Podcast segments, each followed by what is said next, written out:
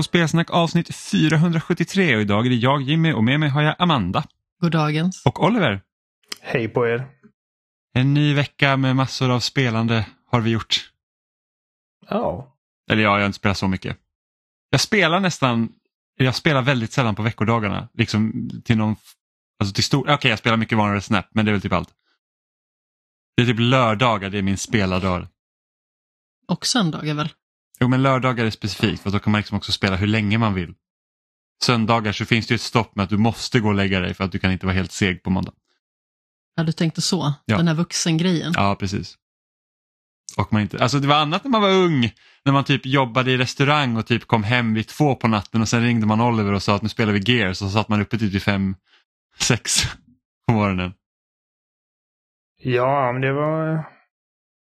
Men alltså, men det är inte jätteannorlunda. Jag, jag, jag går sällan och lägger mig före tre nu för tiden. När går du upp? Beror på om jag ska lämna William, då är det sju. Och eh, om, eh, om jag inte ska lämna William så är det, brukar vara tio som jag har första mötet. Förlåt att jag inte sa något Jenny, godnatt med dig. Jenny Jag brukar- jag var. Ja, nu, numera brukar jag Ehm. somna vid, alltså jag känner mig typ helt färdig efter klockan tio. Ja, det är så jag känner mig hela dygnet fram till eh, midnatt ungefär. Då vaknar jag upp. Game time. Det kan ju Ja. bero på de där fyra timmarna du bara får sömn de dagarna du lämnar William. Häromdagen, ska jag säga, när, när var detta? Det var i... Var det igår eller om det var i lördags som jag vaknade halv fem på eftermiddagen? Då hade jag sovit i 14 timmar i sträck. Och Jenny hade inte vaknat, väckt mig. Gick du, Ehm. runt och, gick du runt då och var så här, varför väckte du mig inte? Nej, alltså, menar, jag sov på soffan så att jag vaknade till då och då. TVn var på och eh, William lekte och så att jag liksom, mm, jag, jag, jag var medveten om deras närvaro. Men jag liksom sov igenom det mesta och så vaknade jag upp och skulle kolla. Jag tror att telefonen eh, vi, vi, vi, vibrerade någonting så såg jag bara helvete halv fem, 16.30. Eh, och jag bara, varför har du inte väckt mig? Jag bara, men... Du sov. Jag bara, jo. Jag känner att jag och Jenny vi resonerar lite likadant. Ja, fast här var det ju helt annorlunda. Jag brukar ju ta min eftermiddagslur och vanligtvis brukar jag sova en till en och en halv timme. Grejen var att det var någon dag som jag var så här totalt utsketen och nästan sov i tre timmar. Så numera så brukar jag säga till Jimmy, om det är så att inte jag har vaknat vid den här tiden, snälla väck mig. Bara för att den gången, då kände jag att jag förlorade så himla mycket tid som jag egentligen ville ägna åt något annat. Och jag hade sovit igenom två eller tre larm. Och Jimmy bara, nej. Jag tycker så här, går man och lägger sig mitt på dagen får man stå sitt kast. Nej, verkligen inte. Jag tycker inte om att sova på dagen. Men, Nej, men bara för att du inte tycker om att sova på dagen ska ju inte jag behöva lida. ja, men du får ju sova mitt på dagen. Du får ju ansvara för din egen uppgång. Fast du hade ju hört också att det hade ringt vissa larm. Det roliga var att sedan kom det fram att du också hade lurat Ja, under den Jag tiden. hade också somnat. Så. Eller jag hade inte sovit tre timmar. Jag kanske, Jimmy sov, som aldrig jag kanske sover hade på sovit dagen. 40 minuter. Men oftast ska du, alltså ofta kan man ju prata med dig när din klocka ringer och säga, ska, jag, ska du gå upp nu? Nej, lite till. Och sen så säger du, varför har du inte väckt mig? Då har du pratat i sömnen. Så hur ska man veta? Ja, jag vet, det är svårt, framförallt för mig. Ja, precis. Något annat egentligen som har väckts ur sin dvala, eller egentligen inte väckts ur sin dvala, utan nu, nu rena rama Törnrosa som man har ihjäl nu. Det är ju det att både 3DS och Wii U-shoppen stänger ner idag när vi spelar in. Eh, Vilket är såklart eh, lite sorgligt med tanke på att det, ju, det finns ju många spel som fortfarande liksom inte finns på Switch som kom på de här två plattformarna och dessutom så är det ju många digitala spel som försvinner. Eller ja, som inte blir tillgängliga längre för att köpa. Eh, man fortfarande kunna ladda ner sina grejer eller hur funkar det? ja, du kan fortfarande ladda ner dina grejer än så länge. Men det lär ju också försvinna efter ett tag. Ja. Jag, jag kommer inte ihåg hur lång tid det tog efter att Wii-shoppen stängde ner som du sen inte kunde ladda ner någonting längre. Eh, vilket är givetvis tråkigt. Men eh, Inget just nu, för evigt. nej, men så, så är det ju. Och det finns ju nackdelar med det också. Men och jag, jag, jag, tror inte att det är någon här inne i alla fall nu som har dragit fram sin 3DS och sin Wii U och köpt någonting. Nej, gud nej. Det finns säkert folk som gör det, men det jag känner, precis som Oliver sa, liksom att ingenting varar för evigt. Och samtidigt så vi är liksom någon generation framåt i tiden. Varför ska man underhålla just dem så himla länge? Jag tror det handlar mer om att det är ja, men för, för, för bevarandets skull. Eh, ja. Eftersom det inte är, och, och, det ser lite annorlunda ut nu för att förr var det ju verkligen så att när det kom en ny konsolgeneration då var det liksom okej okay, men nu, nu, nu är det ett nytt blad, det, liksom, det släpps inga spel mer till den här eh, konsolen och då var ju egentligen, det fanns ju typ inget digitalt heller. Eh, det var ju först med 360, Playstation 3 och Wii som det började liksom komma digitala spel för konsoler. Då. Eh, och sen har du ju Steam som i princip är liksom bakåtkompatibelt långt bak eh, beroende på vilket spel det är.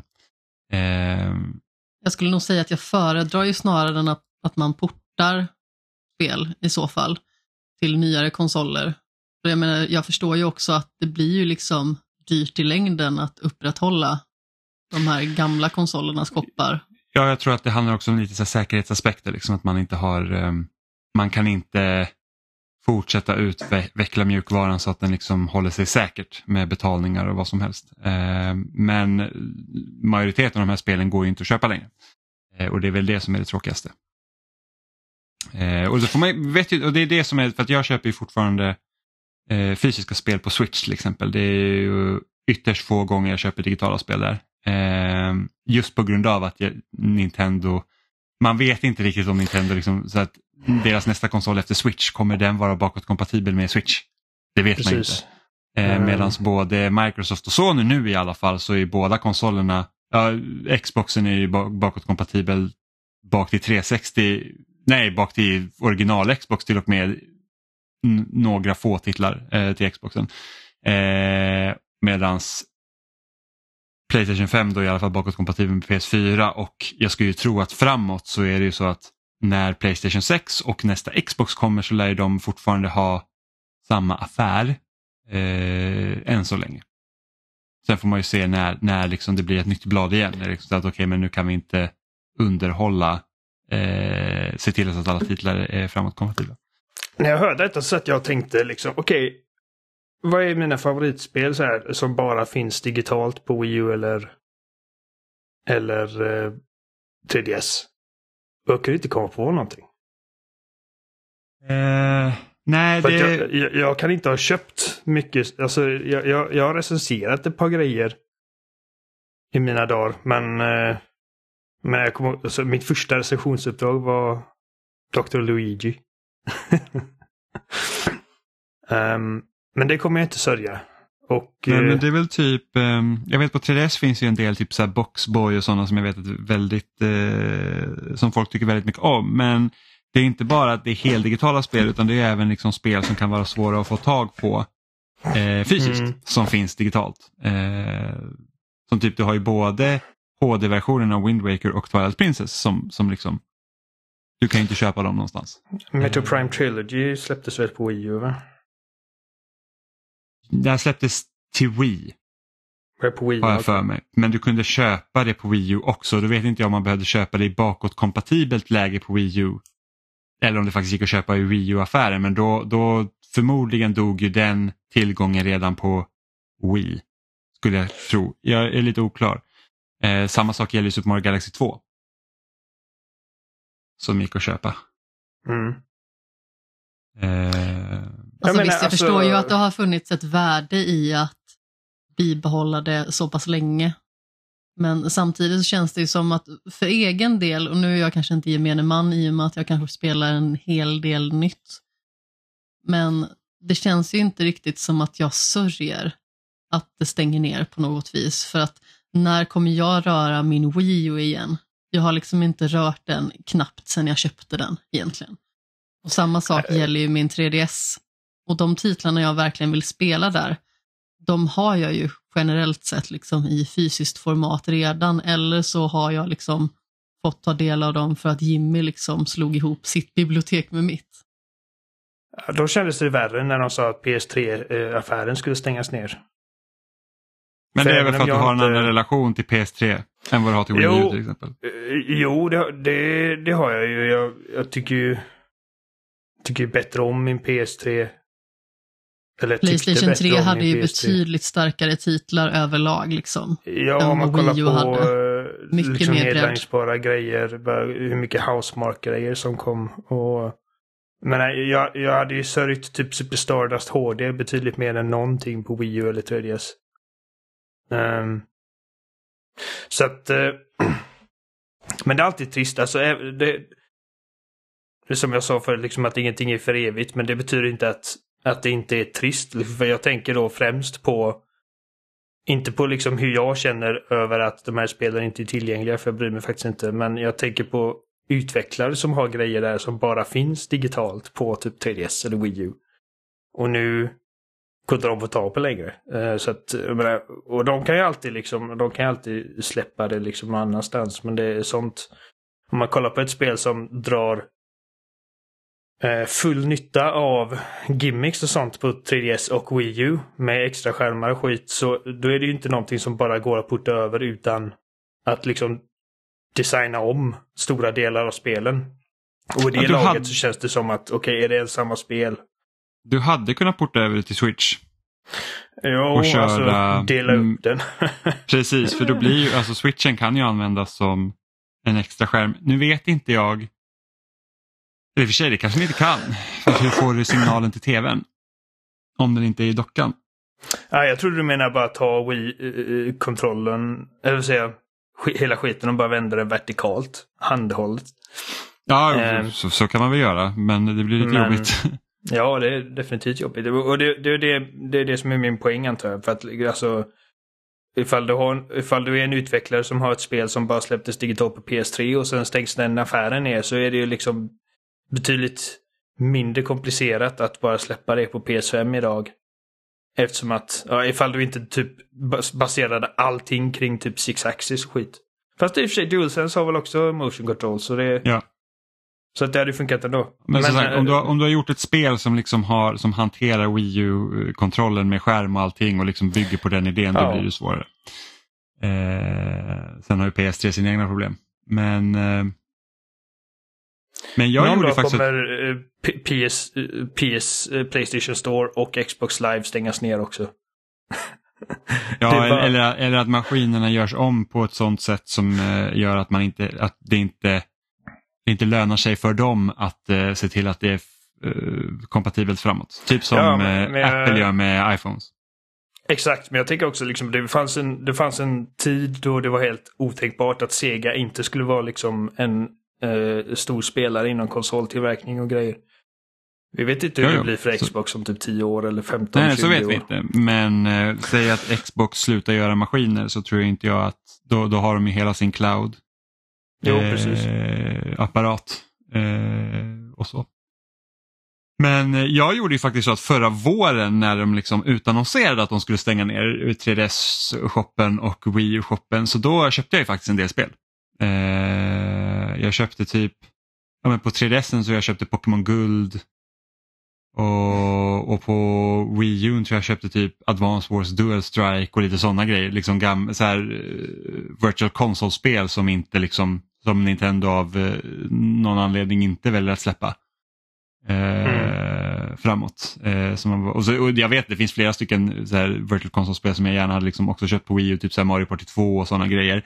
Men sedan, eh, sedan jag tog fram min Wii U förra året så har jag faktiskt köpt en Steam Deck som klarar emulering väldigt, väldigt bra. Så då kände jag att det inte var lika viktigt att köpa spel på en maskin som jag inte använder. Jag har varit hos dig två gånger sedan du uh, skaffade Steam-däcken och varje gång så har jag missat att känna på den.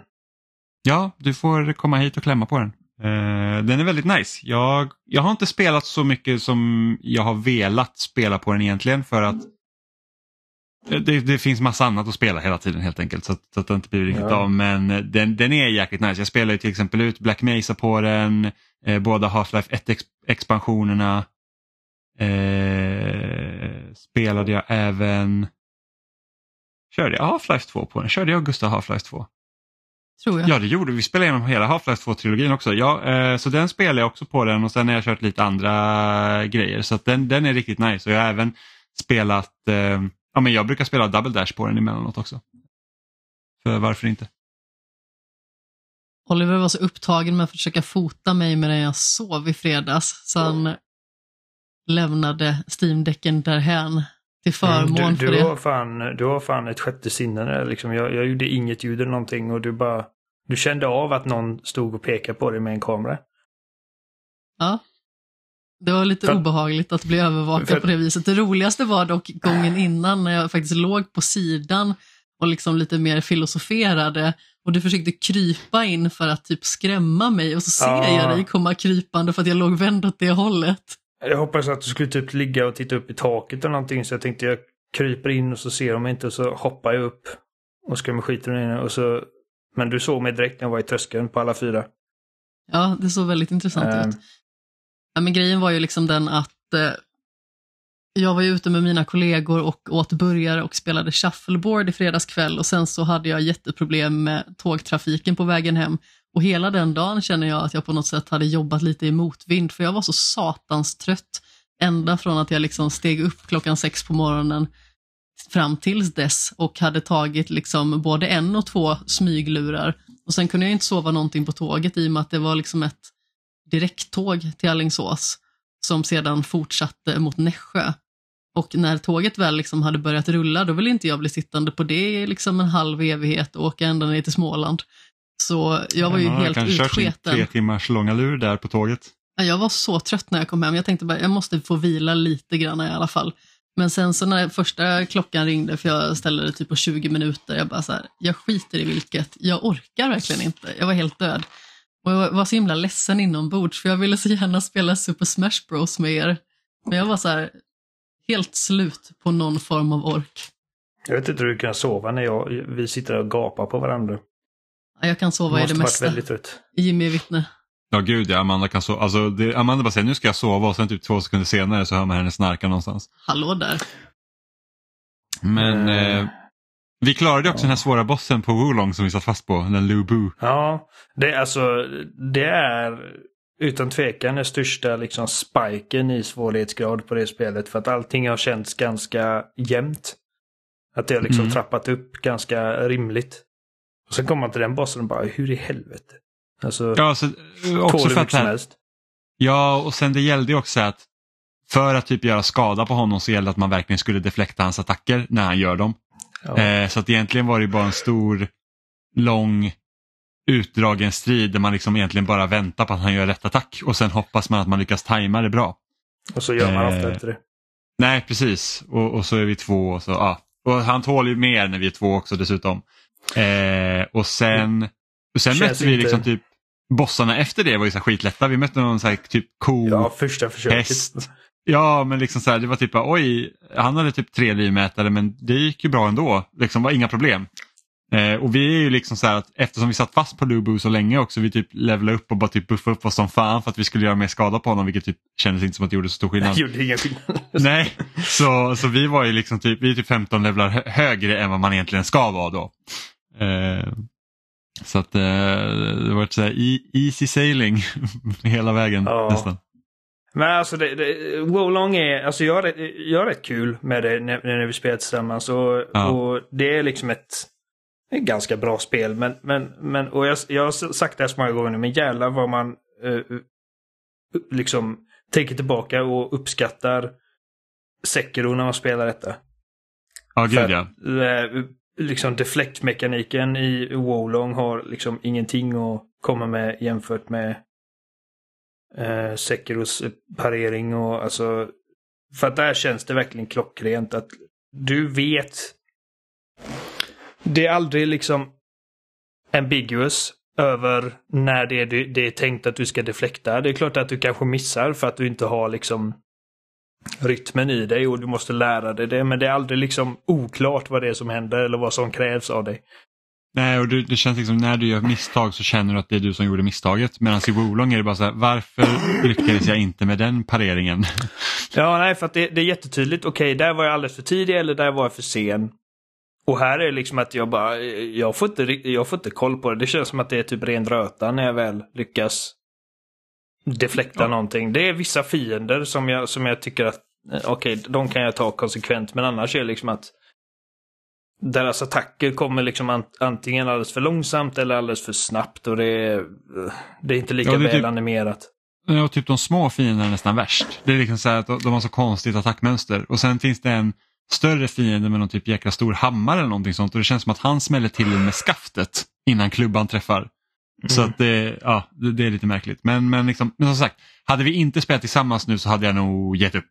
Alltså jag hade liksom bara sagt att ja, liksom, det, det, är kul och så men jag tror inte att jag hade liksom kört ja, klart det. Jag... Nu har inte vi klarat det heller men jag antar att vi kommer göra det. Liksom. Vi, alltså, på god, god. Vi, vi kommer åtminstone spela mer. Sen får vi se om vi klarar det eller inte. Ja, men det, det, liksom... det tror jag. Vi kommer över hälften nu.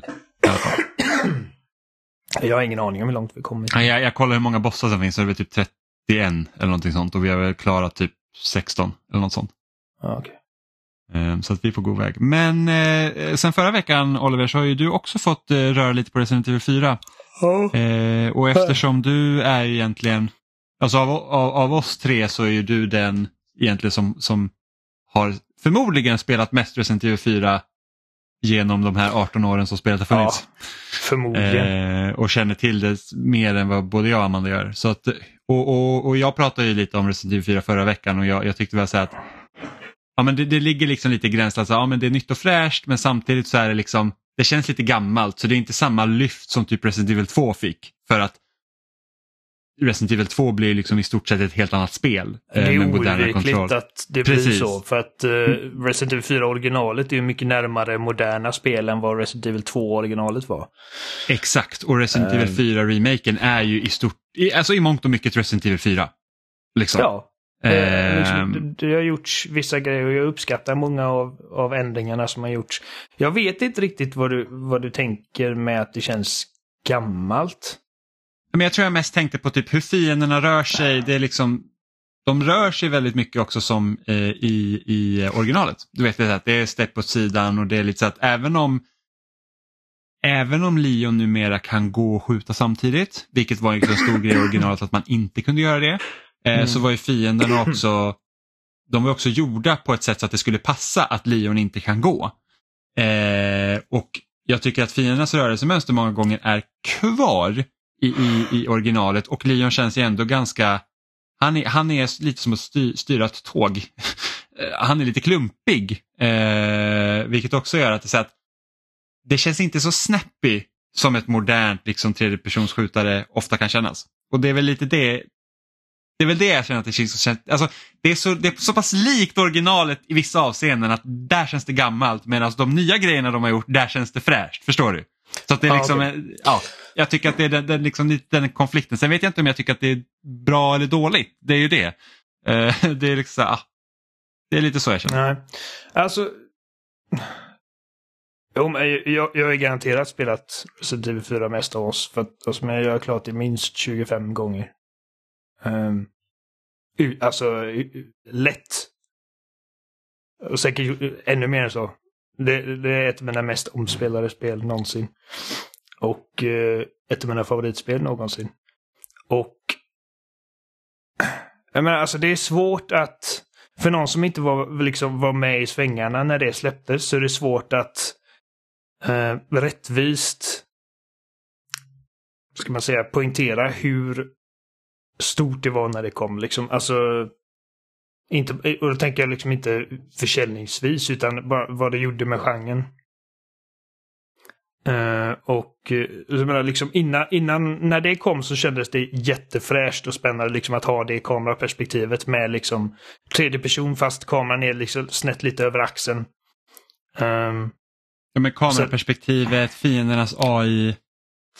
Ja, eh, uh, och även liksom tempot i hur du spelar. Liksom. Du, du, det, det, är nya fiendetyper eh, ganska ofta. Det är nya miljöer relativt ofta. så att det liksom Även om det är ett linjärt spel så kändes det inte som att man liksom ser samma saker utan det hände ju, alltså du börjar liksom i en spansk by och slutar någon helt annanstans. Liksom. Ja.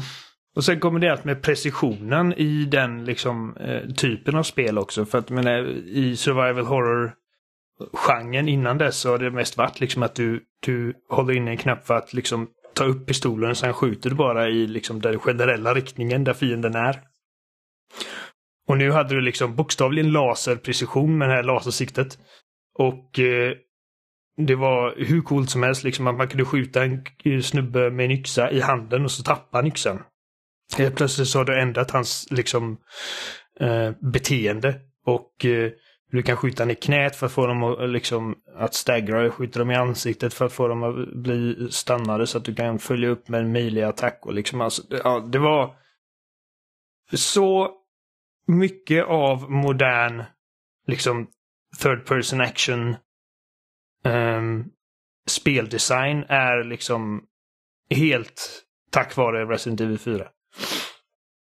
Så att jag, jag liksom Innan den här remaken är så utannonserad så, så, så har jag liksom sagt att eh, vi behöver ingen remake på Resident Evil 4. Det är liksom, det, det är fortfarande Det håller fortfarande än idag. Um, men nu när vi har fått det så har det varit, ja men jag kommer ju spela det och, jag, och jag, jag, tror att det kommer vara bra. Jag gillar liksom vad de har gjort med remakesen hittills. Jag tycker att ettan, alltså remaken av det första spelet är en av mina favoritremakes och tvåan blir jättebra också. Trean var mindre lyckat men um, inte... Tanken var också att trean och tvåan skulle släppas i ett paket från början. Ja, det kan jag prova. Det är därför det, sak det är därför delar saknas i trean för det skulle liksom inte vara som ett eget spel utan två och tre skulle liksom vara tillsammans. Mm. Man spelar dem back to back. Eh, sen kom det här multiplayer-spelet tillsammans med trean istället som Aha. var inte bra. Nej. Ingen, äh, ingen vill ha multiplayer Resident Evil. Det är liksom... Jag vet inte ens varför man... De har försökt så många gånger och det har aldrig liksom blivit en grej av det. Spelade du någonsin Resident Evil Outbreak? Uh, nej. Det kom bara kom på PS2. Uh, kom det inte en uppföljare till det? Kom det inte ja, Outbreak det finns två Outbreaks. Uh. Uh, och det har sina fans, men det, det är inte, det är också så avstickare. Och eh, som jag har förstått det så är det liksom två av de bättre avstickarna som, som de har gjort. Men, uh, ja, jag vet inte. Jag känner inte att jag har missat någonting. Men i alla fall, som, som vi har som vi redan har etablerat, så liksom Resident Evil 4 är ju liksom mycket närmare vad vi kallar ett modernt spel idag än vad Resident Evil 2 är. Så att när de gjorde remaken av 2 så fanns det så mycket de kunde göra. Liksom bara att byta perspektivet och göra det mer till liksom ett, ett modernt actionspel. Mm. Här är det liksom det, bara, det finns inte samma utrymme för förnyelse. Förutom bara liksom att få det att kännas mer som, som ett modernt spel. Liksom att du um, att du kan röra dig och skjuta samtidigt och att du inte... För att eh, Resident Evil 4 är ju fortfarande liksom, även om kameran är placerad bakom uh, Leons axel så är det fortfarande tankkontrolls. Mm. Um, så att det har de tagit bort. Um, I övrigt så är det liksom, alltså... Man känner igen 90 procent av spelet, även om, eh, om barn liksom... Barndesign har ändrats en del och de har lagt till en del pussel Eh, på ställen där det i originalet bara var liksom att gå igenom. Eh, och det, det, tycker jag väl är liksom den roligaste förändringen är liksom att det, det, det är lite mer men det är aldrig liksom kluriga pussel. Alltså det, man, man, man förstår vad det är man behöver göra. Men liksom någonting för att bryta upp liksom tempot lite. Um, och sen tycker jag också liksom att det känns jämfört då med, med tvåan. För tvåan tyckte jag aldrig, alltid kändes som att jag älskade hela polishuset. Uh, första gången jag körde det. Jag tyckte liksom att det här är, det här är typ peak Resident Evil nästan. Och sen kommer man till de jävla kloakerna och sen labbet. Och jag, jag, jag tyckte inte att eh, spelet pikar liksom till en början. Och det är ett ganska kort spel. Och sen så är liksom den andra halvan av spelet är Claires del som ändå är, alltså det är i princip samma spel förutom att man låser upp andra vapen och behöver göra vissa grejer i en annan ordning. Och man får andra mellansekvenser. Eh, så detta känns betydligt mer matigt, skulle jag säga. Eh, bara liksom kampanjen. Och eh, det märks liksom att de de, de har ju varit medvetna om det här liksom problemet de ställs inför, liksom att de inte kan, att de inte har lika mycket, mycket utrymme att helt tänka om det här spelet. Så att de har fått göra de här små omtänkningarna på liksom mikroplan istället, som hur skatter och så fungerar. Så förut så kunde det vara liksom att du fick en Butterfly Lamp som du kunde sälja för sig, men, men tanken var liksom att du skulle stoppa in små juveler i. Och då var det liksom att du kunde stoppa in en röd, en gul och en blå. Och här har de gjort liksom att du kan stoppa in vilken kombination av ju juveler du vill. Och det får olika, olika värden. Så att du liksom måste hela tiden tänka på hur du liksom använder de resurser du har. Även liksom när det kommer till eh, säljbara skatter. Inte bara liksom när det kommer till ammo och crafting och sånt. Och, och, crafting som sagt, det fanns inte i originalet och det, det är liksom ett, ytterligare ett moment av inventory management och att man liksom måste tänka på hur man bäst använder sina resurser. Ja, för att det är väldigt snålt med ammo. Liksom du har alltid så att du typ kan klara dig. Men det är liksom inte som att du sitter med en väska full med ammunition. Nej, alltså eh, det, har varit lite, jag tycker att eh, jag har haft... Och det blir, det blir värre ju längre mot framåt slutet kommer. Alltså jag, jag, i, vissa, I vissa stunder så var det så att jag har ingenting nu. Liksom att, att jag behöver bara springa någonstans, hitta en låda och bara hoppas att jag får typ handgun ammo eller vad som helst. Eh, mm. Och då blir och, och det är för att det är också en grej som originalet gjorde bra, det här med att Leon inte kan gå. Det är ju det att det blir väldigt så här, striderna kan bli väldigt pulshöjande eftersom du vet att ska jag fly eller ska jag skjuta? Eh, och, och, och det försvinner ju lite i remaken på grund av att du faktiskt kan gå den här gången så du blir inte lika låst när du ställer dig att du ska börja sikta. Men här blir det istället att varenda skott du missar blir liksom så här fuck. När liksom man vet att det kommer många fiender. Ja, alltså jag känner att uh, jag känner mig att, att jag har varit, haft det ganska bekvämt med ammo hittills. Nu har jag kommit till... Hur långt har du kommit? Um, jag har kommit till uh, gruvorna.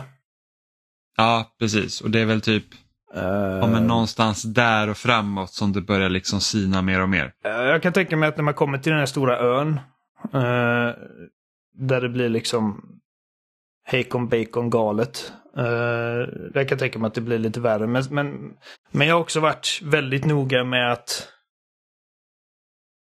göra liksom striderna effektivt och använda mina resurser effektivt. Och liksom använda kniven när jag behöver och, eh, och liksom lägga mycket resurser på att hålla kniven i tipptopp skick. För att den är verkligen eh, kniven är verkligen en stor faktor i det här spelet. Och jag älskar liksom att man kan parera grejer med kniven. Hur man får möjlighet att göra executions och grejer mitt i striderna. Även om, även om det inte alltid är värt att göra dem för att de tar rätt mycket durability på kniven. Um, men sen, jag menar, alltså, jag, jag känner att även om man nu kan röra, röra sig och skjuta samtidigt så man, man man rör sig aldrig så snabbt medan man siktar och skjuter. Uh, så att man liksom kan väja undan från fienderna medan man skjuter. För att jag tycker att de har gjort ett ganska bra jobb med att göra fienderna mer aggressiva och liksom uh, ska man säga balansera ut det nu med, med tanke på att du inte, inte är låst när du skjuter. Alltså jag känner att jag blir, jag blir omringad och angripen ja, de, de, från för de är många fler. Ja, det, det, det kanske de är.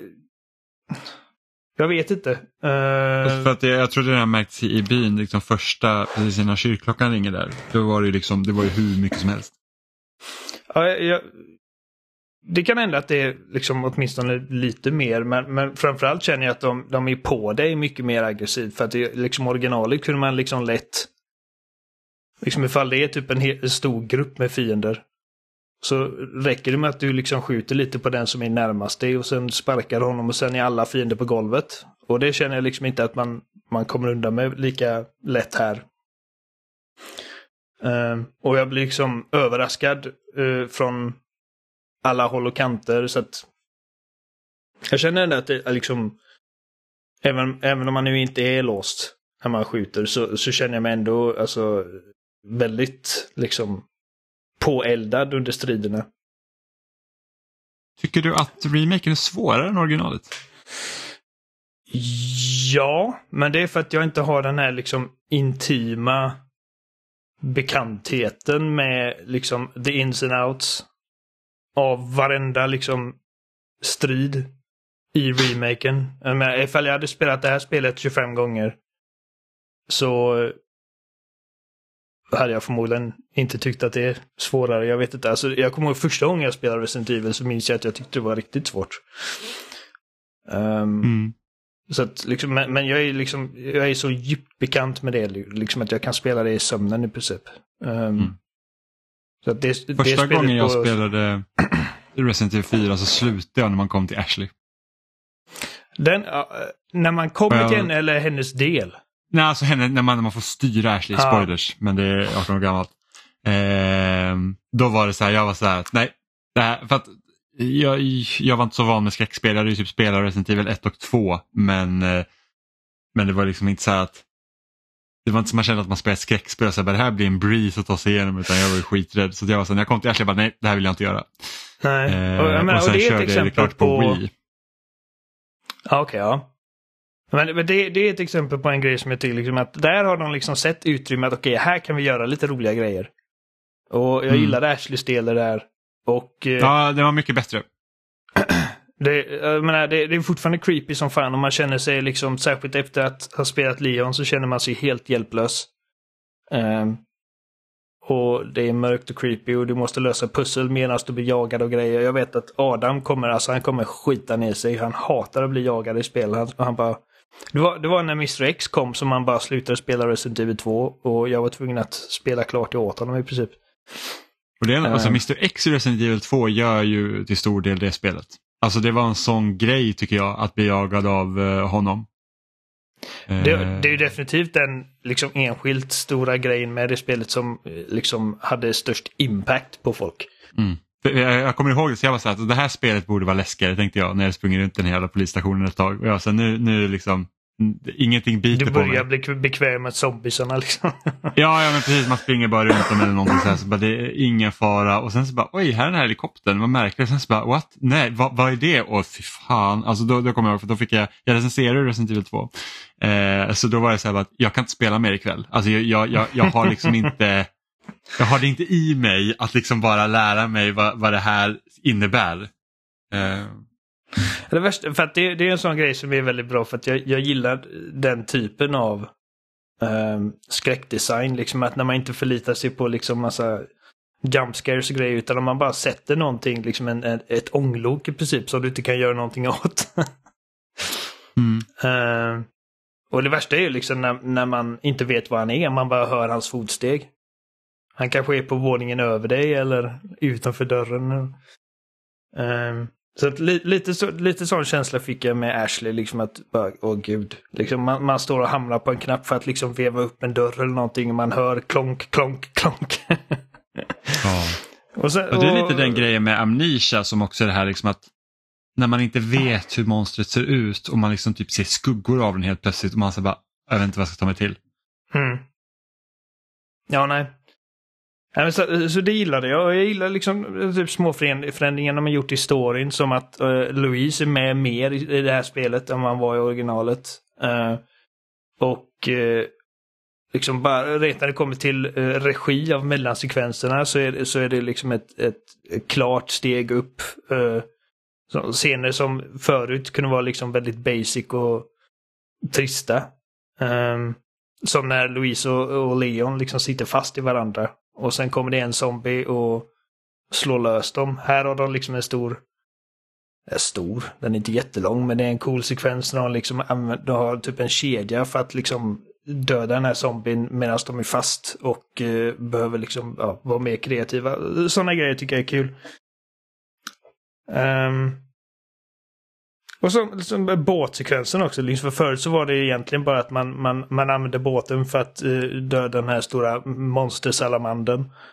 Och sen kunde man ta båten och cirkla bakåt till ett ställe för att ta någon skatt. Men här har de gjort det liksom till att den är sjö, sjön är liksom helt öppen för dig och det finns olika ställen du kan samla på dig grejer på. Och ändå Eh. inte halka liksom ner i det här typ, åh, öppna värld-grejemojen, att nu har du massa extra saker utan det Nej. är liksom väldigt smått och bara säga att ja, men du kan röra dig lite här och kolla vissa grejer men du behöver inte heller. Precis, och, det, och, och som, som i den första liksom, byn där spelets första liksom, stora setpiece händer. ehm, där polisen blir bränd levande och motorsågskillen kommer så finns det liksom skatter och sånt som du inte kommer åt ännu. Vilket gör att när du återkommer till det stället senare i spelet så finns det nya grejer för dig att plocka. Och de har också gjort grejer med liksom eh, själva bandesignen som har ändrats som gör att du kan inte ta samma väg runt utan det är liksom typ det är som ett torn som har kollapsat så nu måste du hitta en annan väg runt för att komma till den andra sidan och grejer. Så att de, de har tänkt väldigt mycket på hur man gör det, liksom spelet ögonblick till ögonblick lite mer intressant. Eh, när de liksom istället för att då liksom återuppfinna hela hjulet som de gjorde med Resident Evil 2. Det är lite som ett Metroidvania light. Ja, men, alltså, jag, skulle, jag skulle peka på Old School Resident Evil då liksom i så fall. Ja. Ja, men Eh. precis, det är det också. så att, eh, Residentvania. ja. Metroid Resident Evil Vania. Men eh, jag, jag tycker att liksom alltså det, kom, det, kommer, det kan omöjligt ha samma impact som originalet hade. Eh, och jag är helt okej med det för att just nu är det liksom bara ett väldigt, väldigt väldesignat och välgjort spel och det känns inte som att de har behövt kompromissa massa med innehåll och grejer som i Resident Evil 3. Så här liksom Mm. ett tre timmar långt spel där massor av innehållet fattas och det bara liksom känns som det känns nästan som liksom en DLC till Resident Evil 2. Um, vilket är synd för jag Det- älskar Jill. Det roligaste var ju att samma team som utvecklade Resident Evil 3 skulle egentligen göra Resident Evil 4 remaken från början. Okej. Okay. Var det då liksom fick- på grund av mottagandet som det ändrades? Ja, eller? precis. Trean blev mycket mer, fick ett mycket mer svalt mottagande och sen tror jag det var Mm. typ så här interna speltester gjorde så att det liksom inte höll måttet riktigt. Så att eh, de rebootade hela projektet. Så att förmodligen, om man nu tänker att den versionen av Resident Evil 4 Remake hade förmodligen sett annorlunda ut och kanske inte varit lika troget. Det, det är såklart att liksom när, när talangen liksom bakom ändras så, så kommer även resultatet ändras. Uh, däremot så, jag menar, jag är inte helt övertygad om att, att det teamet hade gjort ett mycket sämre jobb utan uh, bara för att Resident Evil 3 inte riktigt gick som de ville så betyder det liksom inte att nästa grej de gör blir samma skit. Men det hade definitivt sett annorlunda ut. eh, på vissa håll. Tror du att eh, det är liksom den här versionen av Resident Evil 4 nu du kommer att spela om liksom när det väl blir att spela om eller kommer du återgå till liksom originalet och bara säga nej men det här är fortfarande Resident Evil 4 jag kommer nog spela mest. Jag vet, Resident Evil 2, remaken ersatte ju tvåan lite för mig. Eh, Alltså jag, jag, jag finner det väldigt svårt att, att spela tvåan efter att ha spelat remaken. Men det, men det beror också mycket på liksom bara för att uh, originalet Resident Evil 2 bara känns så gammalt. Liksom även för någon som Mm. älskar de gamla spelen. Uh, Resident Evil 4 känns inte gammalt för mig. Och eh, Nej. så att, så att jag, det här kommer inte ersätta det, men det, men det, det är en kul en kul grej att ha utöver originalet. För att jag, jag lär ju spela om detta en del också, men tvåan har jag spelat åtminstone fyra gånger. Ehm, jag bara gillar Resident Evil. Sjuan har jag spelat sex gånger, sju. Mm. Så att, nej, men jag, jag, är, jag är väldigt nöjd med den här remaken. Det är alltså bra start på året för remakes. Liksom. Alltså Dead Space var en, en skitbra remake. Och Resident Evil 4 är också en skitbra remake. Jag, Så men om vi, vil, vilken eh, nyutgåva av de tre som vi egentligen har fått då i år? Som Resident Evil 4, vi har Dead Space, vi har Metroid Prime. Och Metroid Prime är ingen remake egentligen, det är mer en remaster. Men Ja. vilka av dem tycker att du är, vilken tycker du är bäst? Ja, det, är så, det är så svårt. Alltså, Metroid Prime är ett av mina absoluta favoritspel och Resident Evil 4 är ett av mina absoluta favoritspel. Och jag håller dem högre än Dead Space.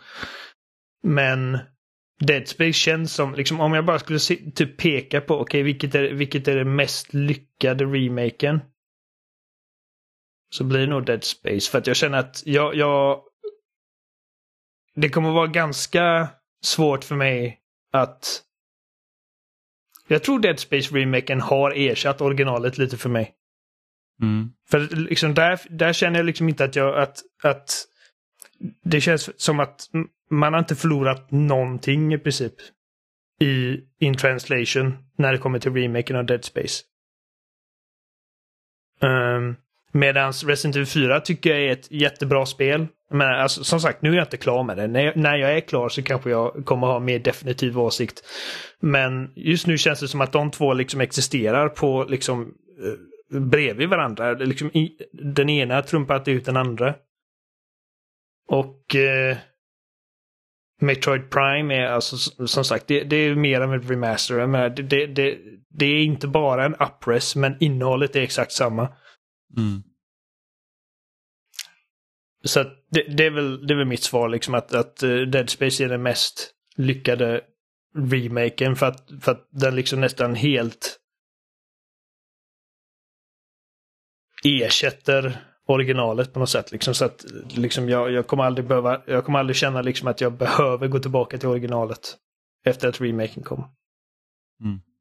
Nu är frågan som jag har tänkt på efter att ha spelat detta är liksom, alltså vad är härnäst för att Slutar de med alla remakes nu? Om För de att- inte gör en remake på ettan så tror Vad jag att är, det vad är mer troligt? Att de gör en remake på ettan eller femman? Alltså jag skulle ju hoppas att de gör en remake på ettan. För att liksom det hade ju varit en dröm att få utforska Spencer Mansion liksom i ett tredje, alltså i kameran över axeln perspektiv. Mm. Eh, för den nuvarande remaken av Resident Evil 1 det är mitt favorit Resident Evil. Eh, och, men jag hade gärna sett det i samma stil som typ Resident Evil 2. Jag hade jättegärna tagit en remake av ettan. Eh, för att, jag menar, alltså de har ju liksom lite... De har ju liksom startat en ny kontinuitet med de här, med tvåan. Mm. För att remaken av Resident Evil 2 liksom eh, sätter upp saker och ting så att det har gjorts liksom storyändringar så att vi har liksom två olika kontinuiteter kontinuiteter nu då. Så att det är originalspelen. Så Re- Resident Evil 4 är liksom tillhör ju kontinuiteten, eller allt från det första till Playstation 1 till Resident Evil 8 i princip är ju liksom sin kontinuitet. Mm. Och sen har vi den här då som började med tvåan. Eh, trean och fyran, de tillhör sin. Så frågan är liksom ifall de känner sig nästan tvungna liksom att fortsätta det narrativet på något sätt. Jag vet inte. Alltså, jag, jag är ju väldigt, jag är helt ointresserad av en remake av Resident Evil 5. Och om det händer så kommer jag ju spela det såklart. Men det, det är en sån grej som jag känner liksom att det, det är verkligen ingenting jag behöver i mitt liv. För att det Nej, ändå... jag känner att hade jag varit intresserad av en remake av Resident Evil 5 då liksom känner jag att jag hade verkligen velat haft en remake, alltså på ett sånt sätt att det är liksom typ ett helt annat spel. Och då är det ju inte samma sak. längre. Ja, bara ta typ grundpremissen liksom att eh, Chris är i Afrika i princip. Ja, men alltså, gru, alltså så som Resident Evil 5 var tänkt från början hade jag jättegärna sett. Alltså, då var det ju det att då försökte man ju få det liksom, hur kan man göra ett skräckspel när det är dagsljus typ. Mm. Eh, och Chris skulle ju typ få solsting och grejer om man var ute i ljuset för länge och, och, och det liksom gick väldigt mycket ut på att man liksom skulle skifta då mellan att liksom nu är det ljust, nu får du söka upp skuggor och lite sådana grejer eh, som lät jätteintressant och sen blev det ju co-op-spel istället. Eh, Alltså, för det, det, det är en sån grej, liksom, även, och det, det stä- stämmer överens med liksom en potentiell remake av Dead Space 3 då. Att jag, jag känner att okej, ja men liksom spinn på de idéerna ni hade men bara ta bort co-open. För jag känner liksom att den här typen av genre men jag har haft kul i Resident Evil 5, jag har haft kul i Resident Evil 6 till och med. Men, men det är liksom inte spel som jag håller särskilt högt i, i respektive spelserie. Men jag spelade igenom Dead Space 3 med Adam ganska nyligen. Och det är liksom, det, det, är bara, det är lättare liksom att, att spela någonting som man inte tycker är särskilt bra ifall det är tillsammans med någon. Um, men jag vet inte, alltså Dead, Resident Evil 5 är ändå, alltså... Men nu är det ju typ åtminstone 14 år gammalt så det är ju liksom inte nytt men det är ändå bara två generationer bak. Och eh, Så att dels är det då liksom att det känns som att, ja men ska vi börja remakea spel som, som knappt har fått hår på pungen. Men också liksom att jag är inget stort fan av Resident Evil 5. Jag känner liksom att det är, det är inte en, en Resident Evil-upplevelse för mig. Det är typ en co-op shooter. Och då finns det mm, betydligt ja. bättre co-op shooters. Då spelar jag hellre ja, typ Gears of War. Ja, det är ju inte Resident Evil i det avseendet som de här remakesen är Resident Evil. Nej, ja, verkligen inte. Eller innan det kom. Liksom. Nej, precis, precis exakt. Uh, och jag, jag vet så... att vissa säger typ Code Veronica och liksom de grejerna men jag, tror, jag undrar om inte de titlarna är lite för smala för att liksom folk ska dem. En remake alltså... av Code Veronica, där känner jag liksom okej, okay, ja, men det hade jag varit mer intresserad för att jag har inte spelat Code Veronica i sin helhet och jag tycker inte att det är jättebra men om man tar liksom den berättelsen och liksom slipar till den och gör det till ett mer spelbart och approachable spel idag. Jag hade definitivt liksom kollat in det men, men det är också en sån grej som jag känner att ja, men då, alltså, då, då ser jag hellre något nytt. För att jag är så jävla glad över att Capcom idag är så jävla bra. De, de, de har liksom så enorma framgångar med sin Monster Hunter-serie men sen har vi också liksom nyligen Devil May Cry 5 som var typ ett av mina mest önskade spel. Och så har vi Mainline-serien Resident Evil har återgått till sina rötter och verkligen är skitbra Resident Evil-spel. Trots att de är liksom ändå så moderna och i utförande och liksom även till och med att de har bytt till första person. Och sen har vi vid sidan av det remakesen som också är kanonbra. Så att Alltså de är verkligen För det var ett tag som Capcom bara gjorde liksom bara, åh gud vad håller ni på med? Mm. Ja, det är roligt för att de har liksom gått i sån cykel för de hade ju så 90-talet Capcom var hur bra som helst. Mm. Sen var det någonstans där i början av 2000-talet där liksom dippade ganska rejält till Street Fighter 4. Jag experimenterade eh, lite liksom.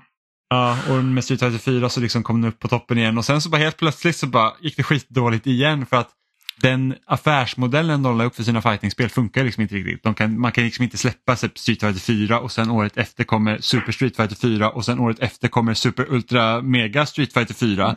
Folk tröttnar ju liksom. ja, ja, precis. Eh, och de gjorde liksom som med alla sina fightingspel. Eh, så det blir lite tokigt och nu är de ju liksom, nu är de ju riktigt, alltså de var ju nära att gå i konkurs. Alltså det var ju typ snack om att, säga, att vem kommer köpa Capcom för att de har inga pengar. Ja, och, det, eh. och Resident Evil var liksom att vi måste fånga Call of Duty Dude Brosen liksom. Så därför fick vi Resident Evil 6. Och, ja. så någonstans så sa de bara, ja ah, men nu, nu, nu saktar vi ner lite och försöker hitta tillbaka till varför vad folk älskar oss från början. Och så gjorde de det med Resident Evil 7. Och eh, nu är de i skitbra skick. Mm. Ja men det är kul. Jag är väldigt pepp på Street Fighter 6 också. Ja, jag med. Det ser kanon ut. Mm. Men eh, jag och Amanda vi har ju faktiskt spelat tillsammans i, i helgen.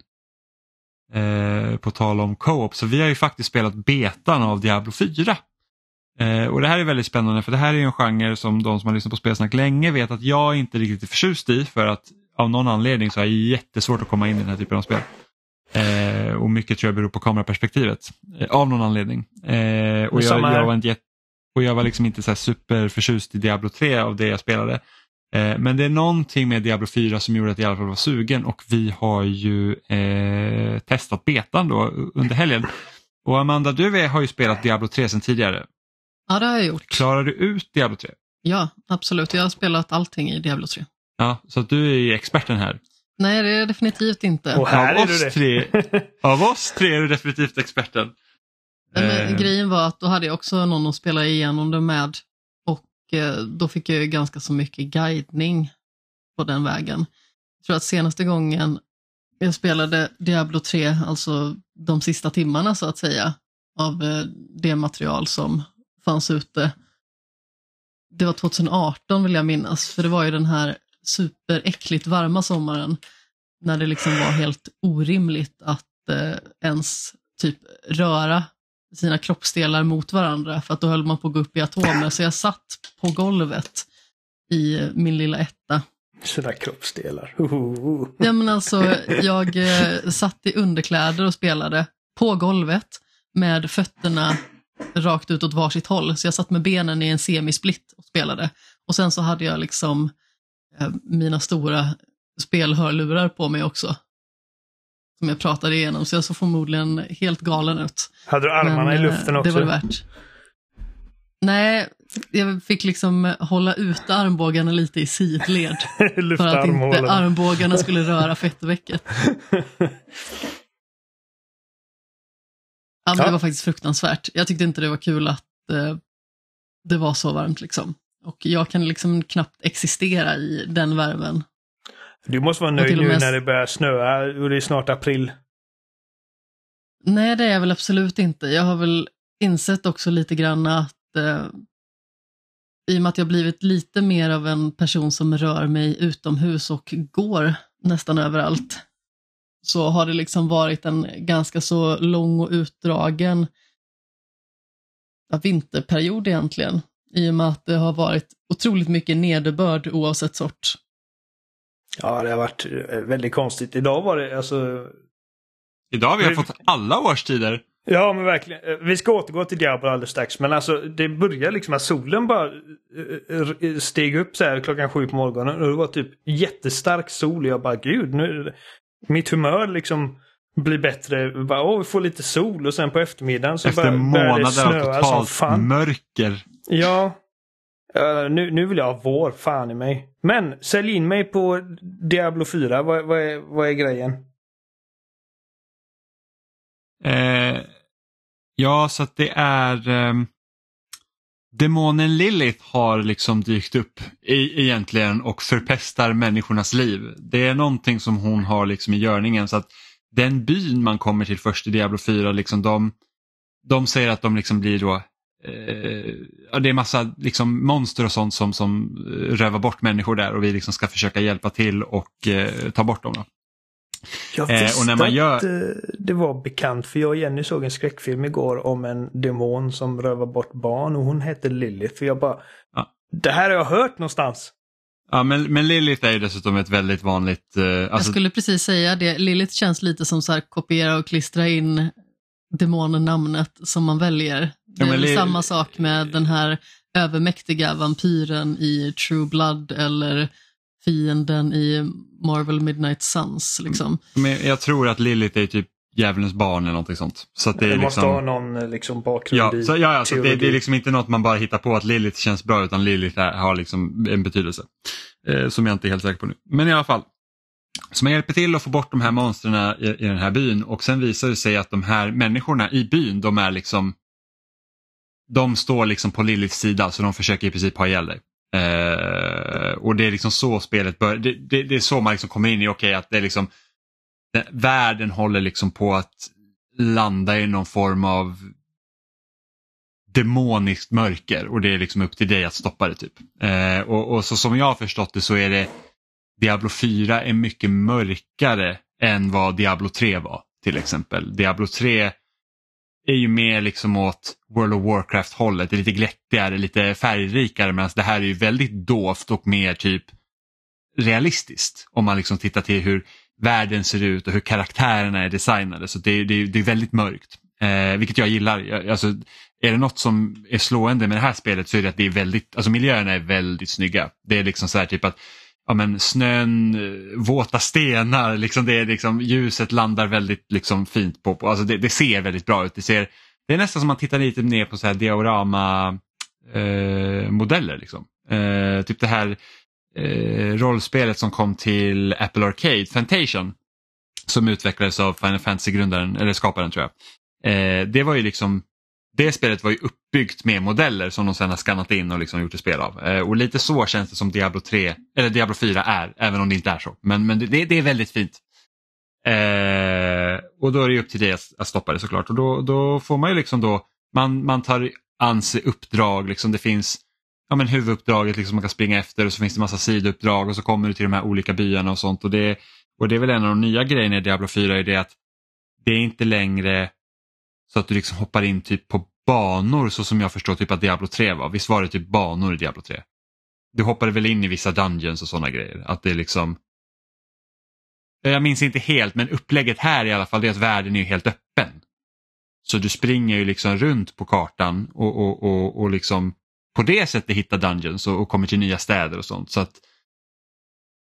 Nu minns inte jag exakt hur upplägget var om jag ska vara helt ärlig. Jaha. För att jag känner ändå på något sätt att upplägget i Diablo 4 känns igen väldigt mycket, men det kan ju också vara lite ett planterat minne med tanke på att det ändå var ett tag sedan som jag Ja. spelade det. Men samtidigt känner jag att jag håller med om det mesta som du säger, liksom att det kändes ändå som att det var en, en inte lika mörk ton i Diablo 3 som det är i Diablo 4. Sen som sagt, berättelsen, jag minns inte den så jätteväl heller. Alltså jag kommer ihåg att jag absolut tyckte att det var en väldigt trivsam upplevelse och sådär, att ta sig igenom Diablo 3. Men jag kommer egentligen inte ihåg så jättemycket av det. Av någon skum anledning. Mm. Nej, men det, det är samma, alltså, jag tycker det är Blizzard-spel överlag så att man inte riktigt håller koll på storyn. Det är samma sak när jag spelar typ World of Warcraft. Det är inte som att jag säger att oj, jag har jättekoll på alla de här questen, liksom, utan man, man, spelar mest för att spela. Eh, Ja, och, precis. och det är väl lite så jag tror Diablo 3 kanske också kändes för dig då, att man liksom man kanske inte bryr sig om riktigt vad som händer. Ja, men det blir ju väldigt mycket att man plöjer igenom det. Precis som du säger tidigare, den här isometriska vyn kan ju ibland sätta käppar i hjulet lite grann, bara för att man får inte lika mycket en tydlig bild av karaktärerna, man får liksom inte se deras minspel, man får höra deras röster, men det är liksom inte en lika stark koppling som görs. Och det är ju lite märkligt egentligen för att man kan ju spela till exempel grafiska noveller i mångt och mycket. Och Ja men en typ Citizen Sleeper, man bara oh my god!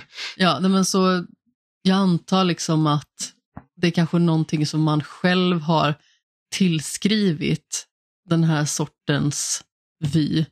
Bara för att man liksom inte på något sätt kan förklara varför man inte bryr sig lika mycket om de spelen. Men jag menar, när det gäller Hades, då fick jag en helt annan koppling. Men det var ju också för att den hade ju nästan lite grann det här dating-simulerandet på vägen. Ja men där är också lånade lite sånt så här från grafiska noveller att när karaktärerna pratar med varandra då får du liksom se ett porträtt på vardera sida. Även om de inte rör sig så mycket så är det ändå liksom så att du ser, du, du får liksom en annan blick på den. För det, det är samma sak när jag typ spelar Pillars of, the, eh, Pillars of Eternity som jag också liksom försökte komma in i och jag bara säger jag, jag kommer liksom in, jag känner inte som jag kommer liksom nära karaktärerna. Eh, bara för att det är den här vyn. Eh, vilket är såklart jättetråkigt. Eh, men det är så jag känner. Eh, men jag tycker ändå att det vi spelar av Diablo 4 så tycker jag ändå det verkar lovande även på det planet. Jag tror att en av de sista storylinesen som vi hann med liksom, eh, innan vi inte kunde spela betan mer, den, den var ju ganska liksom, alltså rätt så hemsk. Eh, när man följde liksom med en, en, en dotter som letar efter hennes mamma som typ har blivit helt besatt av liksom Lilith och liksom att oh, hon har lovat mig guld och gröna skogar och typ så här, jag kan offra vem som helst och, och, och liksom så här, man bara åh gud, det är riktigt hemskt. Ehm, så, att, så att jag tror att, att, att man liksom kanske kan komma in i det på ett helt annat sätt än, än, än tidigare. Ehm, men jag tror också att de har, för att grejen med Diablo 4 också det är att Diablo 3 utvecklades till PC primärt och sen så kom det en konsolversion. Medan det här spelet har ju utvecklats med också konsoler eh, liksom på en gång i åtanke.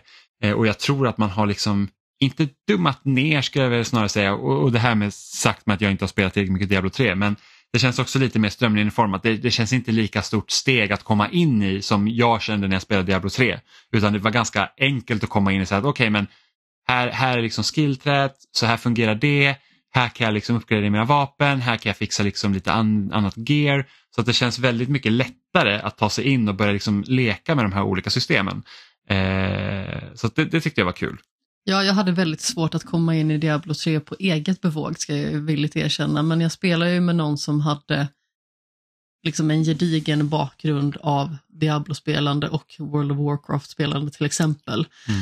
Så jag kände ändå liksom att då kunde jag få ganska så bra vägledning, vilket liksom gjorde att jag dels fick lättare att komma in i spelet men också liksom fick stöd när man spelade tillsammans. Just bara för att jag hade förmodligen inte klarat ut spelet själv. Alltså inte för att det kanske var för svårt, men det kändes liksom som att tröskeln i att ta sig in i Diablo 3 är betydligt högre än i 4 just. I alla fall ifrån det vi har spelat av betan, för jag tyckte det kändes väldigt mycket mer tillgängligt i Diablo 4 redan från start. Och det kändes ändå som att, trots att berättelsen kanske inte grep tag i en otroligt mycket, så kände man sig mer investerad i sin karaktär och i världen. Även att det finns liksom sådana tydliga likheter ändå. Mm. Men Diablo 3, där spelar jag den här Reaper of Souls-utgåvan. Om man kan kalla den utgåva, det kan man väl? Ja, alltså med Diablo 3 med Det är väl en expansion. samling av expansioner. Ja, precis. Så jag har ju spelat det ganska så många timmar, med andra ord. Men eh, jag tror faktiskt att det är en fördel att spela det tillsammans med någon. Diablo 4 alltså. Eh, om man liksom inte är en person som har gett sig in i den här genren vidare mycket tidigare för att jag tror att man kan lära sig väldigt mycket av att spela tillsammans. Jag tror att jag sa det till dig häromdagen, att jag lär mig ganska mycket av att vi spelar ihop, bara för att jag kanske har ett visst tankesätt. Jag tror att det blir väldigt lätt att man liksom förhåller sig till sitt egna och att man liksom fastnar i sina egna tankebanor, man fastnar i hur man liksom hanterar sina olika resurser och sådant. Och då kanske man får till sig liksom nya tillvägagångssätt som effektiviserar liksom en spelare, eh, eller spelande rättare sagt, vilket kanske underlättar i längden och gör liksom att man kan bredda sin kunskapsbas när det gäller olika spel. Och jag tror att vi kommer ha väldigt kul med att spela Diablo 4 tillsammans, för vi hade ju otroligt kul med betan bara. Mm. Ja, jag tyckte det var jättekul. Alltså det, och som sagt, jag har ju försökt med den här typen av spel flera gånger. Jag har ju spelat till exempel Torchlight och då testat Diablo 3 och lite sånt och jag har liksom aldrig kommit in i det. Jag tror att det spelet som jag har spelat mest inom genren det är ju Minecrafts eh, vi se, vad hette det? Legends Dungeons. eller Ma- ma- nej, Dungeons. Minecraft Dungeons. Precis. Det var Legends jag tänkte på. Jag bara, det stämmer inte. Eh, Minecraft Dungeons, för det spelade jag ihop med Robin och det var ju väldigt så här Diablo light liksom. Och, och där var det så här, man, man hoppar till en bana på kartan så får spela igenom den och så kan man köra igenom dem på olika svårighetsgrader och om och om igen för att hitta liksom bättre gear. Och, och i Diablo 4 är det också så att du kan ju välja vilken world tier du har och det vill säga svårighetsgrad i spelet. Så att jag och Amanda vi började liksom på normal eller den lättaste. Bara för att okej men ingen av oss, eller ja, Amanda spelar med Diablo 3 och jag har inte spelat så mycket så vi börjar liksom på den svårighetsgraden som Blizzard säger så att ja, men är du ny för det här så, så rekommenderar vi den här eh, svårighetsgraden. Och sedan när vi liksom så här att för att vi behövde komma upp till level 20 för att få så här Wolf Cosmetic Pack till eh, Ja, releasen men sen. precis, det innebär ju egentligen att man får en vargvalp Ja, jag, jag tror som en någonting liten sånt. kombination. I alla fall, någonting sånt ska man få i alla fall. Det är bara så här, bara, ah, if there's anything you can get, I want it. Liksom. Eh, så, så vi bara, vi måste komma till level 20, men då får man mer XP om man kör på svårare svårighetsgrad. Eh, och jag kände att normalsvårighetsgraden var en aningen lätt. Visst, vi hade någon boss som var lite kämpigt på, men annars var det så här typ att alltså, du i princip smälte fienderna när du gick in. Liksom att var det lättare fiender så var det, de dog ju typ på en gång. Och vilket kan vara kul om man har arbetat sig upp till den liksom biten. Liksom att okej, men nu, nu har jag ändå blivit så pass bra och jag har en så pass stark karaktär så att nu kan jag liksom smälta fienderna men när man smälter dem på en gång då blir det så här, ah, vad, Men man känner sig inte riktigt förtjänt av det. Nej men precis. Eh, och, och när vi höjde svårighetsgraden en snäpp då, då, blev det också, då tyckte jag att spelet blev roligare och det var inte så pass svårt att man kände sig bara shit, det här går ju inte alls. Ja, men precis. Jag var ju lite orolig att det skulle vara ett stort glapp mellan de svårighetsgraderna. För att jag tror att det var liksom i stort sett samma uppbyggnad i föregående spel också. Men jag minns inte riktigt vilken svårighetsgrad som vi spelade på. Men jag kommer ihåg att jag tyckte ju att Diablo 3 var betydligt mycket svårare än Diablo 4 har Mm. varit hittills. Och då höjde vi ju som sagt svårighetsgraden Och jag kände ändå att det här är överkomligt. Ja, och då finns det två svårighetsgrader till eh, som jag tror inte där man kunde spela i betan nu för man behövde vara högre level för att komma åt dem. Men Diablo-spelen är ju så att du ska ju spela om du, du höjer ju svårighetsgraden eftersom så att du kan få bättre gear så att du liksom kan maximera dina stats helt enkelt. Eh, och, och, och, jag tror första gången jag typ kom i kontakt med den typen av tänk, liksom det var typ Fantasy Star Online eh, på GameCube. Eh, men här, eftersom världen också är helt öppen och sen när de lånar liksom lite andra grejer typ från World of Warcraft och Destiny kan man nästan säga att det är för att du spelar ju online hela tiden så du kan ju träffa på andra människor ute i världen. Eh, vilket jag tycker är trevligt. Det liksom blir lite så här att ja, men, jag springer runt och gör mitt questan och helt plötsligt kommer liksom en annan liksom en karaktär här och, och, springer och det är en annan person så kan man ju välja om man vill parta upp eller vad man nu vill göra. Eh, är det bara Always online-spel då eller? Ja, jag, jag är inte helt säker på om man kan liksom välja att spela helt offline. Jag tror inte det för du måste ändå liksom logga. Du köar ju för att starta spelet. Liksom, du köar för att komma in. Så det är inte bara en eh, beta-grej då utan? Nej, nej, alltså jag tror att du kommer behöva köa liksom. Eh, även när det riktiga spelet är ute. Eh, för att du ska kunna liksom spela online, du spelar liksom typ på en server. Även om det liksom inte är som att i World of Warcraft så väljer du vilken server du spelar på och sen köar du in till den servern. Medan här så du, du, du köar för att komma in i spelet och sen så är det bara att köra. Liksom. Och sen bjuder man ju in den man vill spela med till exempel. Så det var bjöd... ju oerhört behändigt. Jag är fort, fortfarande lite skeptisk till liksom, att man ska behöva ha massa sidokonton för att kunna komma åt det som man faktiskt vill ha. Men samtidigt kände jag att när jag laddade ner Battlenet igen, liksom, så var det ju otroligt smidigt att du kunde köra på Xbox och jag kunde köra på Playstation 5 och det var inget krångel överhuvudtaget. Ja, det, det, är faktiskt en helt fantastisk värld vi lever i just nu när vi faktiskt kan spela mellan Playstation och Xbox och, och, och Switch emellanåt och PC. Liksom. Att, att, att alla, man kan samsas, liksom. det spelar ingen roll vilken version vi har, vi kan spela tillsammans ändå. Eh, och det fungerade väldigt bra. Eh, men jag gillar det med aspekten av det. Jag tycker att det, det är för typ det är typ det en grej jag, jag var så himla fascinerad av när jag spelade World of Warcraft. Var ju det att jag, liksom, jag kan liksom gå minding my own business och sen kan man se någon annan liksom också sitta och spela och vi bara så här, oj jag kan, jag kan gå och spela, fråga om den här personen vill spela eller om vi liksom, ja, det är liksom, man bara ser andra göra grejer. Så det, det tycker jag är väldigt roligt. Eh, och jag tycker att det funkar väldigt bra här hittills i alla fall, eh, att det är så.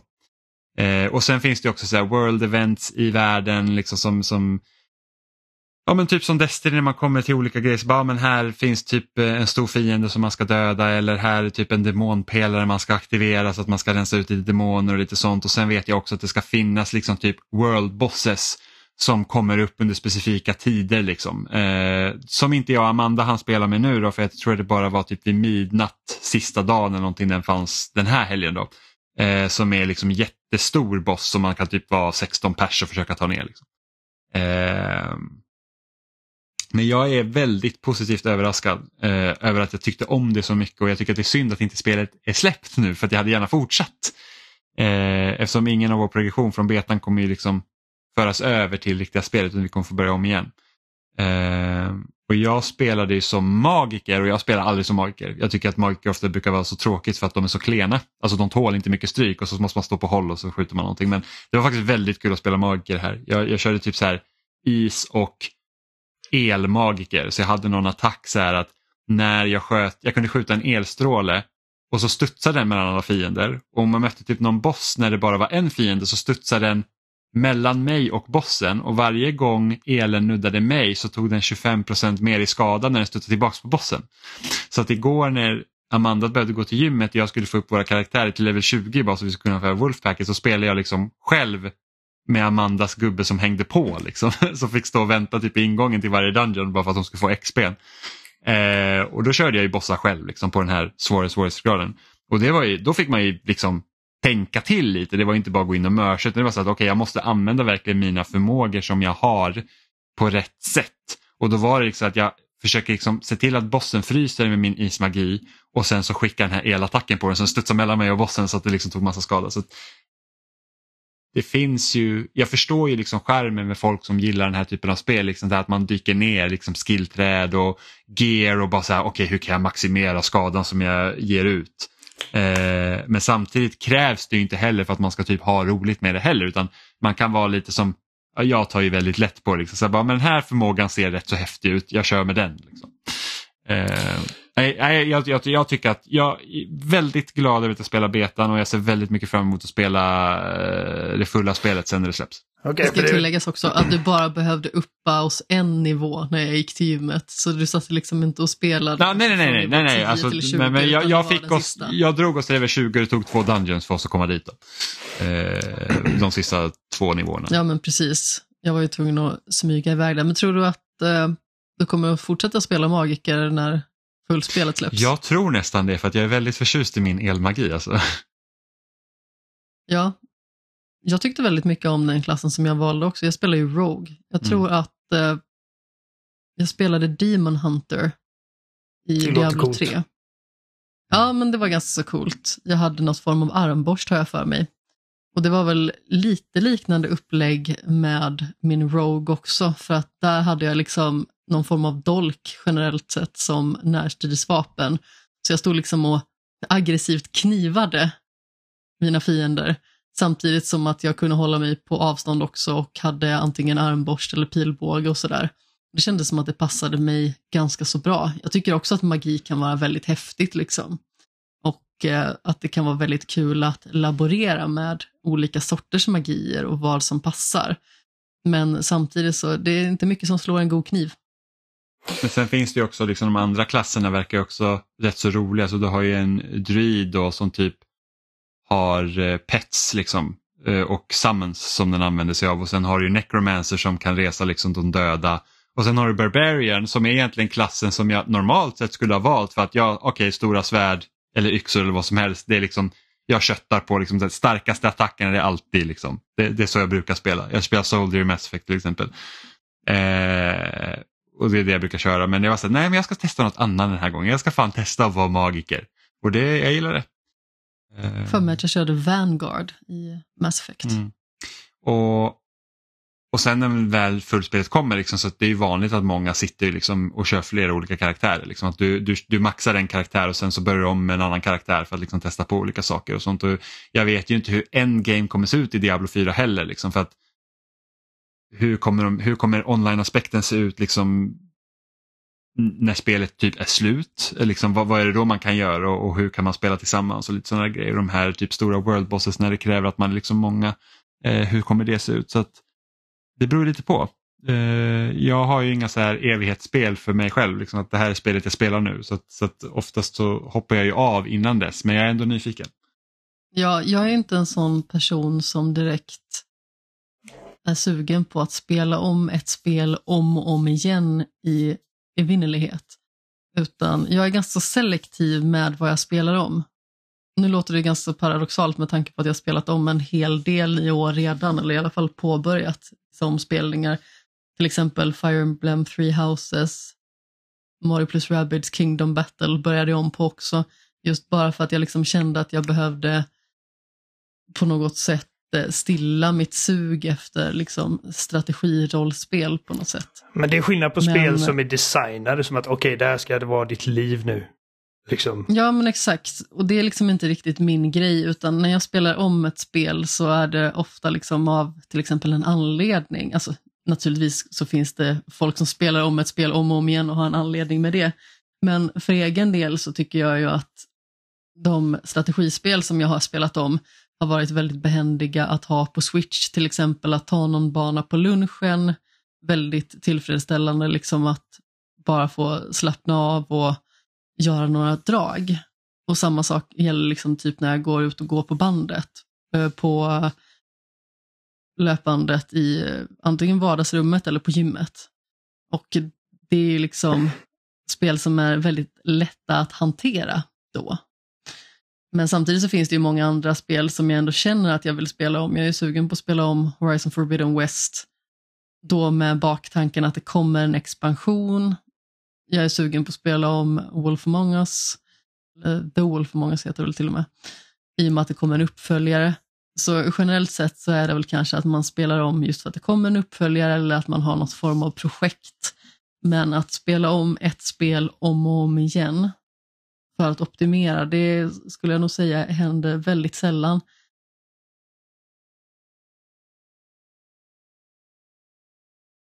Sen vet inte jag hur det kommer liksom se ut då, om liksom man ska ta med den här typ MMO light-aspekten av spelet. så att Är tanken då att när du ökar svårighetsgrad att du ska spela om alla grejer eller ska du hoppa in i redan existerande dungeons? För att det finns en funktion i spelet som gör att du kan resetta alla dungeons i spelet. Det vill säga att de återpopuleras och så får du köra om dem.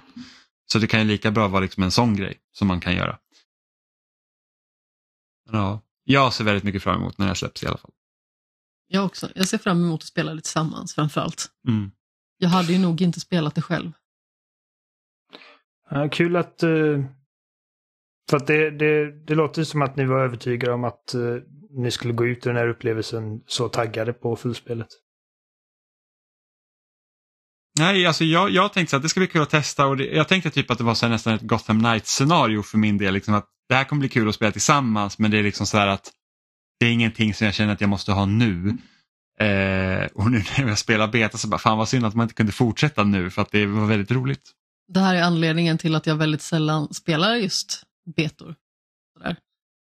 Just bara för att när jag spelar ett spel och känner liksom att det har en stor tilldragelse, då blir man ju liksom på något sätt besviken när det inte finns någon möjlighet att fortsätta sedan. Och nu måste vi vänta i nästan tre månader på att få liksom spela fortsättningen. Eller ja, vi får ju till och med spela om egentligen. Vilket i min värld kanske inte heller är så jätteroligt, just bara för att, precis som jag just förklarade, så är jag inte alltid jätteexalterad över att spela om saker. I synnerhet liksom inte så nära i tid. Du kan spela en annan klass. Det känns som ett helt nytt spel. Fast jag gillar ju min Rogue, jag vill ha min kniv.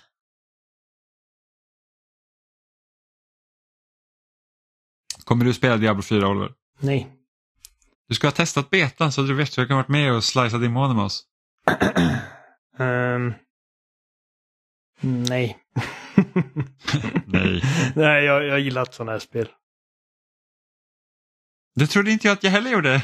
N nej, men du är mer öppen för typ allt än vad jag Ja, är. det är sant. Alltså, jag tror säkert att det är ett jättebra spel, men Di- Diablo, Diablo-serien är ju liksom legendarisk och eh, jag har alltså gått i decennier nu och bara hört hur, om hur jävla bra de är. Men varje gång jag har testat det så är det bara, alltså det här är inte min grej verkligen. Verkligen, verkligen, verkligen inte min grej.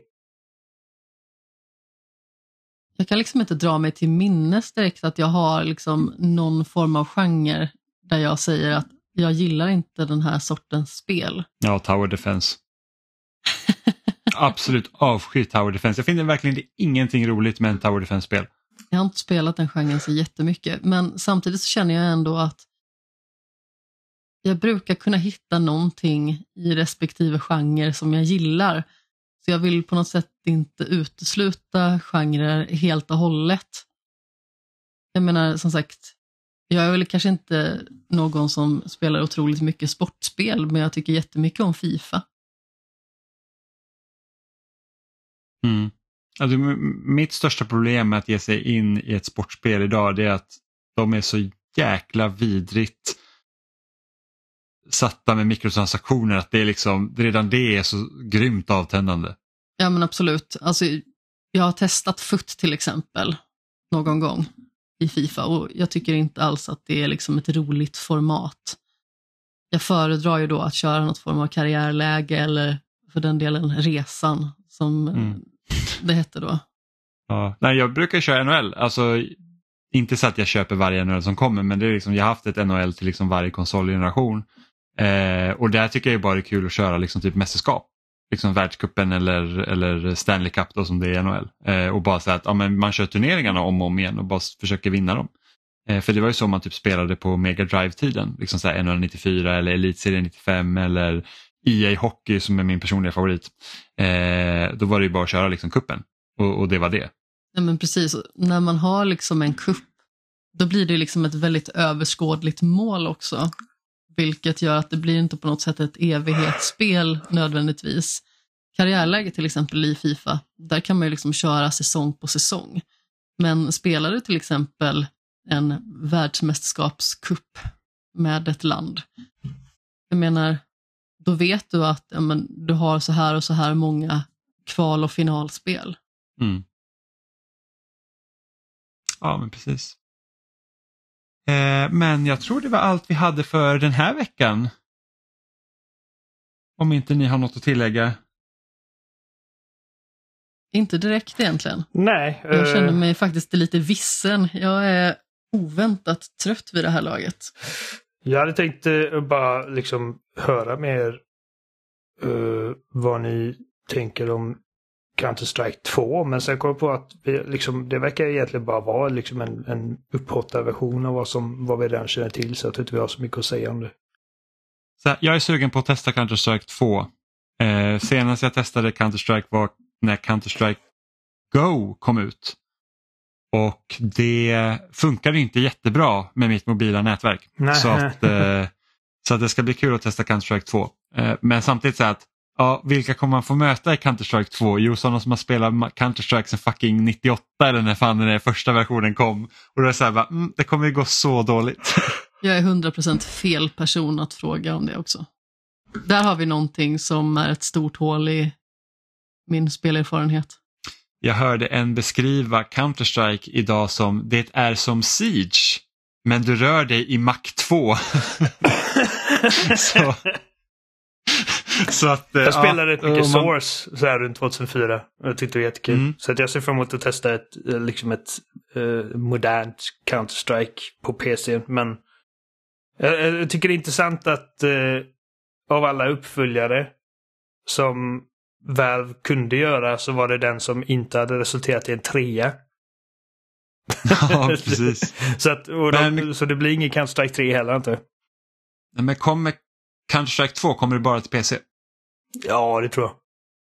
Ja, Jag vet, inte, om- jag vet inte om de har sagt något. Men, men... Nej, jag har ingen aning. Jag vet att CSGO kommer till konsol också. Eh, men det- Jag är så fruktansvärt dålig på PC-spel, alltså att skjuta på PC. Det är en vanlig sak såklart. För att jag, jag fick ju eh, betakod på The Finals som är en Bark Studios spel, debutspel egentligen. Eh, Mm. som en massa gamla så här, Battlefield av hopp, eller ja, DICE avhoppare egentligen som har startat den studion. Eh, och Emma jobbar där. Och det gick så fruktansvärt dåligt för mig för att jag var så här, jag, alltså, det, det, det, för mig känns det inte intuitivt att spela med liksom ett tangentbord och mus. Det är så här bara, vilken knapp gör vad? Jo, jag förstår ju att det är en som vanlig Sverige i sak. kyrkan. Ja, jag vet, men det var verkligen så man bara, och sen bara, ja, men jag kopplar in min Xbox Elite-kontroll i, eh, i, eh, i datorn och spelar med den då. Och då är det liksom inte ens det minsta lilla aim assist. Vilket gör att då blir det ännu svårare när man spelar mot alla spelar på PC så att det, det gick inte bra för mig. Spelar du med handkontroll så ska det straffas. Men det var kul för att eh, när, när jag åkte till DICE och recenserade Battlefield 1 så körde vi med mus och tangentbord och så eh, satt... Eh, ehm, fan heter han nu igen? Spiken på, eh, på eh, Twitter. FZ. Johan? Nej. Åh gud Ja, ingen aning. Ja, skitsamma, ni vet vem jag pratar om. Eh, han, eh, han och jag satt bredvid varandra och så, och så frågade en av killarna på Dice har ni liksom, eh, skulle jag kunna få spela med kontroll för det gick så dåligt? Och Spiken bara tittade på mig och bara, vad fan, alltså ja, Dave vill man inte vara på samma lag med. Och så kommer de in med en liksom, typ, alltså pall full med oöppnade Xbox Elite-kontroller. Bara öppna en och gav till mig. Och plötsligt så var jag bäst på leaderboarden. Just det.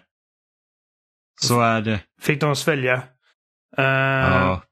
Men där, där, där finns det ju förmodligen inbakat med lite, lite aim assist och Ja, ja. sådana grejer. Men, men, eh, men det är alltså så här, jag tycker att antingen liksom att spela med en kontroll som är liksom super engineered för att vara liksom ultimata styrdonet för att styra ett, ett liksom videospel. Mm. Kontra mus och tangentbord som är liksom kontors... Liksom... Kontorsmaterial. Ja. Men jag förstår. För liksom- mig är ju det sättet att spela The Sims 2 på. Men strategispel är liksom perfekt. Ja, men det är klart, alltså, det, är liksom, det- det, det är ju oslagbart.